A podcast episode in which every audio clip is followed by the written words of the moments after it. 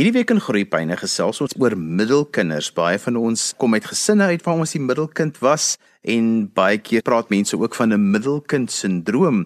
So ek het 'n bietjie gaan kers opsteek by Estie Potgieter hieroor. Estie Potgieter is natuurlik sielkundige, baie bekend hier in die Kaap. Estie, mense praat baie keer van middelkinders en die middelkind sindroom. Vertel bietjie vir ons die agtergrond hiernatoe. Johan, weet jy ek dink uh, die middelkind sindroom is 'n konsep wat ontstaan het toe hulle begin kyk het na die rangorde waarin kinders gebore is en dat as gevolg van die rangorde waarin kinders gebore is, het hulle bepaalde persoonlikheidseienskappe of eienskappe. So die oudste kind, en 'n mens kan nou ook praat, het 'n bepaalde as gevolg van die feit dat hy oudste kind gebore is, het 'n bepaalde invloed van die ouers in die samelewing gekry, maar val van die ouers om op 'n sekere manier te reageer en 'n sekere persoonlikheid te vorm en net so die jongste kind ook. En dan kom ons by die middelkind. En die middelkind as gevolg van sy posisie in die kinderlyn of in die sibbe waar hy gebore is, het die middelkind dan 'n persoonlike persoonlikheidssamestelling. En dit is waaroor dit gaan. En dan noem hulle dit die middelkind sindroom. Gee vir ons 'n bietjie daai middelkind samestelling van hulle persoonlikheid, hulle uitkyk op die lewe. Net om ons 'n bietjie agtergrond te gee, dan kan ons nou nou praat oor die oudste en die jongstes. Johan, die oudste kind die teorie wil dit nou sê die oudste kind het die eie reg op pa ma se aandag gehad. So die oudste kind is baie keer die leier. Hy het pa ma se volle aandag gehad toe hy gebore is. Pa ma het hom baie lief en dan die jongste kind is weer die babatjie van die gesin. So hy word nou spesiaal vertroetel en gekoester. Maar die middelkind is nou die een wat so half effens weggeraak. So tussenin. En as gevolg daarvan voel die middelkind baie keer afgeskeep asof sy nie hy of sy nie regtige plek in die gesin het nie en dan raak die middelkind weg raak jaloes dalk op boetie en sussie ehm um, terwyl die die ouer kind dan sterker uitkom as 'n leierfiguur en die die jonger kind is dan die een wat al die uh, liefde en die vertroosting kry en die troeteling kry van pa ma omdat hy die jongste is So is die watter wenke het 'n mens vir ouers dat 'n mens dit so klein bietjie anders kan hanteer want die realiteit is mos nou as 'n mens jou eerste kind het en jy kry jou tweede een en jou derde een dat jy maar jou hande vol het met die versorging van hierdie kinders en die rangorde soos wat hulle ouer word en bietjie meer onafhanklik word speel mos nou maar 'n rol. Johan uh, en ek wil ek wil sommer net begin net eers sê ek dink mens moenie 'n veralgemening uh, tref nie en ek dink daar's baie mense wat teen hierdie stelling is dat daar middelkind sindroom is en sê kinders word uniek groot. En ek dink 'n mens moet ook besef daar's verskillende gesinne wat verskillende opvoedingsstyle het. Gesinne word verskillend saamgestel en jy kry groot gesinne. Jy weet daar's nie net 'n oudste, middel en jongste kind nie, daar's baie 5 of 6 of 7 kinders. En dan moet mens ook 'n onderskeid tref. En ek dink dit word baie keer nie gedoen nie. Dis 'n verskil tussen kinders wat in dieselfde geslag is, kom ons sê al drie is meisiekinders, as waar daar twee seuns en 'n meisiekind is, dan maak dit die die die samestelling tog iets anders as wanneer net dieselfde geslag kinders is wat die middelkind dan aanbetref. En ek dink 'n kind se unieke persoonlikheid, hoe dit gevorm word, kan nie net toegeken word aan jou geboorte rangorde nie. Ek dink daar's te veel ander faktore, soos die omgewing waar die kind groot word. Word hy in die stad groot, word hy in die platteland groot? Uh, wat is sosio-ekonomiese uh, omstandighede word hy groot? Wat is die ouerskapstyl waarna onderwerp is? Watter maats is hy? Wat is die portuïergroep? Watter skool is hy? Wat is die kind se eie genetiese samestelling en potensiaal? Wat is sy talente? So daar's 'n klomp ander dinge wat ook persoonlikheid beïnvloed en ons kan dit nie net gaan koppel aan die geboorterangorde van 'n kind as 'n middelkind nie. Maar dit nou gesê, kom ons kyk gou wat is die simptome wat hulle sê kan 'n middelkind hê. Die een is die lae selfbeeld wat 'n kind het of die eie waarde wat 'n kind het wat middelkind is is baie keer 'n lae selfbeeld omdat die kind voel maar boetie of sussie wat ou of jonger as ek is kry baie aandag en ek het nie soveel aandag gekry nie so ek voel 'n bietjie uitgelaat. Dit word ook gesê dat kinders wat die middelkind aanbetref baie keer nie so sosiaal aktief is soos 'n ouer boetie of sussie nie omdat die kind uh, nie die geleentheid kry nie 'n bietjie afgeskeep word deur pa en ma. So dit is ook een rede. By die kinders is baie keer frustrasie want hulle voel nou nie uh om 'n paar normale afskeid voel hulle so bietjie minderwaardig, alleen en hulle voel baie keer doelloos of of nie doelgerig in die lewe nie. Hulle is baie keer ook uh aandag soekend. Hulle sê dit is 'n algemene simptoom wat voorkom by middelkinders. Hulle soek baie die aandag en baie keer as gevolg daarvan is hulle opstandig en uh wil amper 'n rebellie ingaan en die kinders het ook die middelkind dan die vertrouensverhouding wat hulle hulle hulle sukkel om mense te vertrou. Uh hulle wil nie iemand sommer net naby hulle toelaat en regtig vertrou nie. So dit is van die simptome wat gesê word wat die middelkind het. Ek wil net dadelik weer byvoeg. Dit is nie te sê dat dit met al die middelkinders so is nie. As ek my eie gesin kan vat Johan. Ek was die oudste en dan ek 'n suster gehad en 'n broer wat die jongste. En my suster was pas glad nie in by hierdie ehm um, middelkind sindroom. Sy is totaal anders van sy se leie, sy het ehm uh, maak 'n merk in die lewe en sy doen baie goed en sy presteer geweldig. So die middelkind sindroom kan jy nie sommer net gaan toepas op iemand nie, maar die simptome wat ek genoem het, dit is wel eens waar so. Ek gesels vandag met Estie Potgieter en ons gepraat bietjie oor middelkinders, die middelkind sindroom en Estie sê vir ons 'n mens moet baie mooi waak daarteen om nie hierso te stereotipeer nie want dit is eintlik baie breër as wat 'n mens daaroor kan dink en nie net sommer vir kinders etikette om die nek hang nie maar daar is so hier en daar 'n paar eienskappe wat ons in die eerste gedeelte van vandag se program bespreek het wat ons kan sê maar daar kan hier en daar iets soos wat 'n mens kan opval. Is dit maar watter wenke het ons vir ouers om hierdie te voorkom?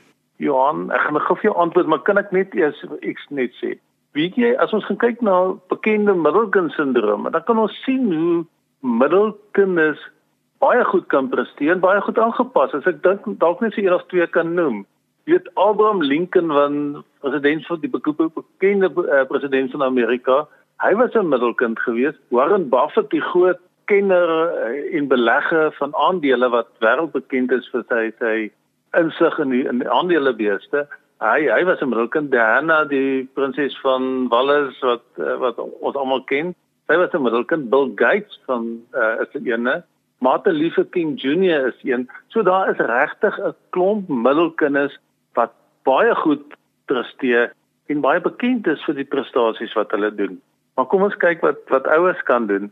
Ek dink die een belangrike uh, ding is Johan, 'n ouer moet dalk net bewus wees van die middelkind sindroom. Dat hulle net oppas dat wat gesê word van die middelkind sindroom dat die middelkind uh, afgeskeep word, dat hulle net bietjie dalk 'n bietjie ekstra aandag gee aan daai kind wanneer dit nodig is. Ek sê nie hulle moet die middelkind heeltemal anders gaan behandel nou nie, maar dalk tog net in die agterkop so bietjie bewus wees. Daar is dis ding soos die middelkind sindroom en dat die middelkind is baie bietjie afgeskeep word en ouers dan moeite doen om bietjie ekstra aandag en tyd aan die middelkind te gee. En ek dink hulle moet maar geduldig wees ook met die middelkind want elke kind is spesiaal vir 'n ouer en as die middelkind dalk voel maar hulle word bietjie afgeskeep en hulle raak bietjie 'n rebellie daar rondom omdat hulle afgeskeep voel.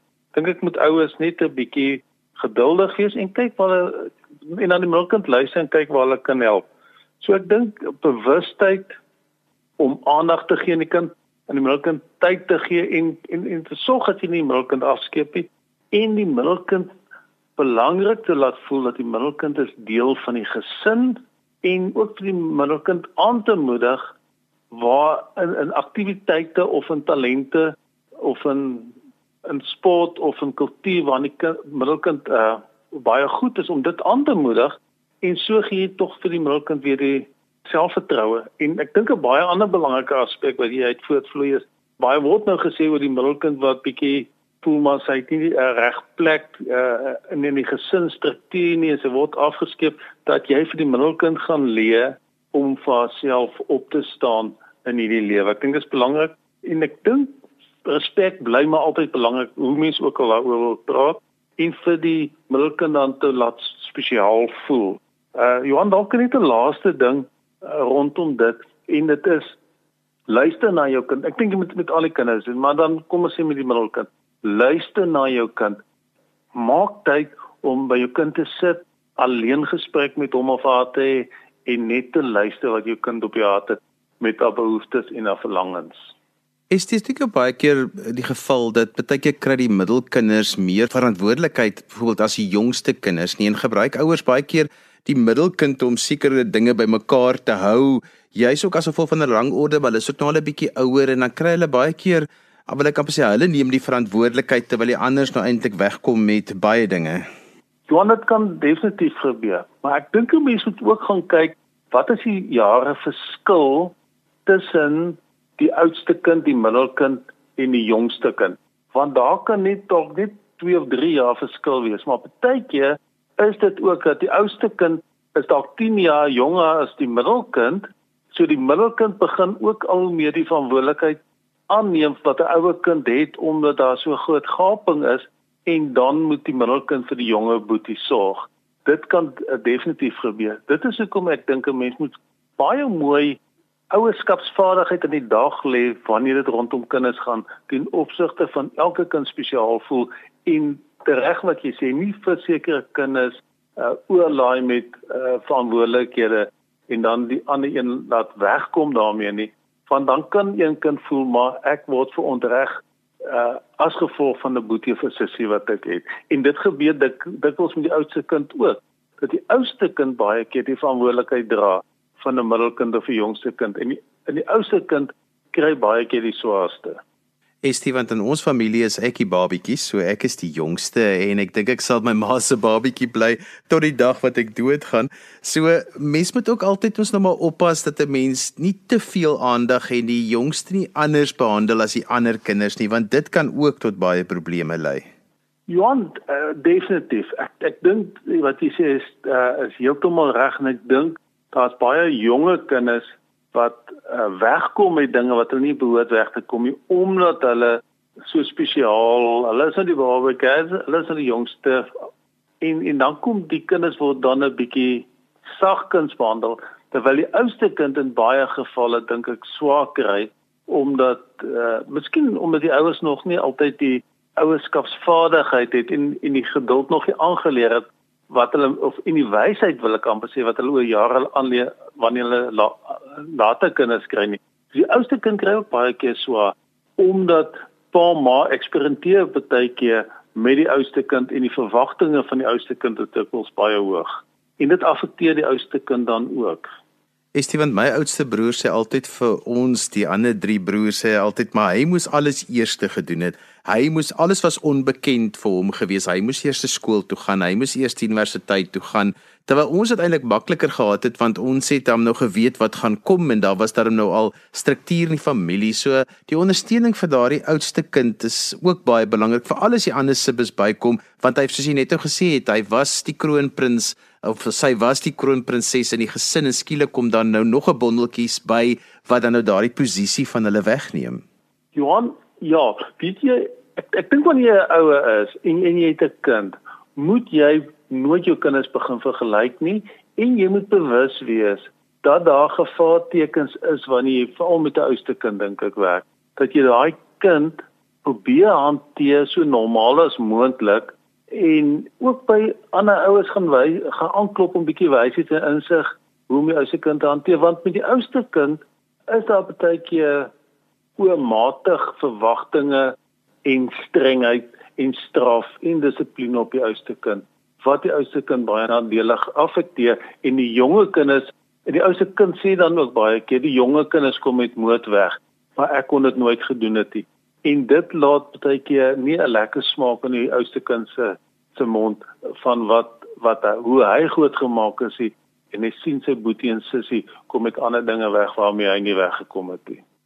Esius kan nie hierdie gesprek hê as ons nie praat van die kinders wat alleen kinders in die huis is nie. Hulle is die oudste, die middelste en die jongste. Daar's nou weer ander dinamika wat dan in hulle persoonlikheidsontwikkeling 'n rol speel. O ja, Johan, dit is dit is baie waar wat jy sê. Maar die maar die die navorsing sê sê dat die alleenkind is meer soos die oudste kind. Hy word hy hy het meer die hy het meer ooreenkomste met die oudste kind as wat die alleenkind met 'n middelkind of 'n jongste kind uh, ooreenkomste het. Want hy word eintlik meer soos die oudste kind grootgemaak. Maar ek dink ek dink die ding wat ou vir ouers moet sê is dat jy moet vir elke kind op sy eie meriete binne sy eie omstandighede hanteer en grootmaak. Daar is 'n uh, idee dat jy moet alle kinders dieselfde grootmaak en oor dieselfde kam skeer. Waarmee ek saamstem. Ek dink 'n mens moet nou elke kind in sy unieke omstandighede en sy eie posisie kyk of hy nou jongste kind is en of hy middelkind is en of hy oudste kind is en en besonderlik dan gaan kyk na daai kind se behoeftes, daai kind se persoonlikheid en daardie kind se verwagtinge en doelwitte in die lewe. Van dan kan jy die kind help. Maar as jy die kind gaan grootmaak almal oor dieselfde kam wil skeer, dan gaan jy onreg doen aan 'n kind se persoonlikheid en verwagtinge in die lewe want jy almal is nie een is en ek dink dit is die boodskap wat wat 'n mens vir ouers moet gee.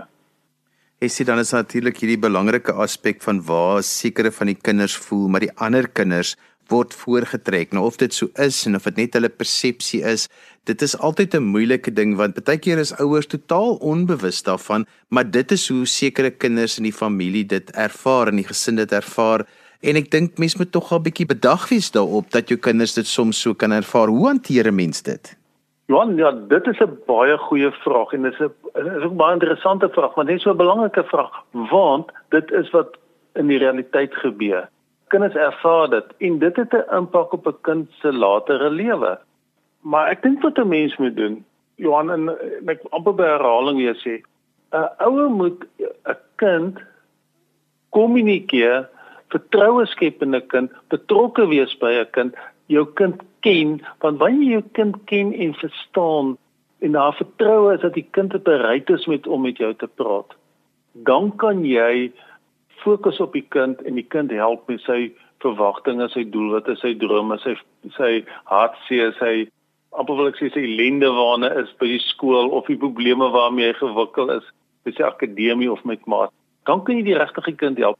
Maar wanneer jy nie kommunikasie met jou kind het, wanneer jy nie betrokke is by jou kind nie, of dit nou 'n jongste kind of middelkind of oudste kind is, wanneer jy nie werklik ingezoom is en betrokke is by jou kind nie, kan jy nie jou kind werklik verstaan en help soos wat jy behoort te doen nie. So ek dink ouers moet regtig moeite doen om met elke spesifieke kind, elke in, individuele kind te sit, tyd te spandeer, betrokke te wees, kommunikasie te gesels, te luister en jou kind te verstaan want dan kan jy regtig jou kind help. Kan jou kind verstaan en weet jy wat jou kind se probleme en verwagtinge van die lewe is. Ek sê as 'n mens hierdie goed optel van jou kind is nie baie sosiaal nie, lae selfbeeld, hulle voel alleen, mens tel nogal op dat hulle baie keer aandag soekend is of bietjie opstandig is, dan sit nogal belangrik dat 'n mens dit net sal dink dit gaan oorwaai nie. Wanneer moet 'n mens dan iemand inkry om so bietjie hieroor te gesels en dat 'n mens dan ook moet bereid wees om te gaan luister na iemand wat hierdie dinamika vir jou kan verduidelik? Johan, Ek dink mens moet eersins met jou jou kind verstaan. Ek dink dit is 'n heel belangrike ding. Byvoorbeeld 'n kind wat 'n introwert is teenoor 'n kind wat 'n ekstrowert is. Jy weet 'n kind wat 'n introwert is, neig om terug te trek, die energie in by by homself te soek. As hy 'n probleem het, sal hy in sy kamer gaan sit en dit probeer uitklaar vir homself. Terwyl die ekstrowert kind gaan uit buitentoe praat met almal oor sy probleme. As jy die kind se persoonlikheid verstaan, dan kan jy die kind begin begin help en en verstaan wanneer hy 'n probleem ontwikkel. Maar die 'n belangrike ding wat die ouers moet uh, doen, wanneer jou kind 'n persoonlikheidsverandering begin kry, dan moet jy bewus wees daarvan. Jy kan net bewus daarvan wees as jy uh, betrokke is by jou kind. Kom ons sê 'n kind is was altyd ekstrovert, het maas gehad en gesels en dinge gedoen en was besig in die skool en nou begin daai kind alhoewel stiller raak, teruggetrokke raak, wil nie meer uitgaan nie, sit net in die kamer met ander woorde dat 'n gedragsverandering plaasgevind. En jy as ouer verstaan dit nie.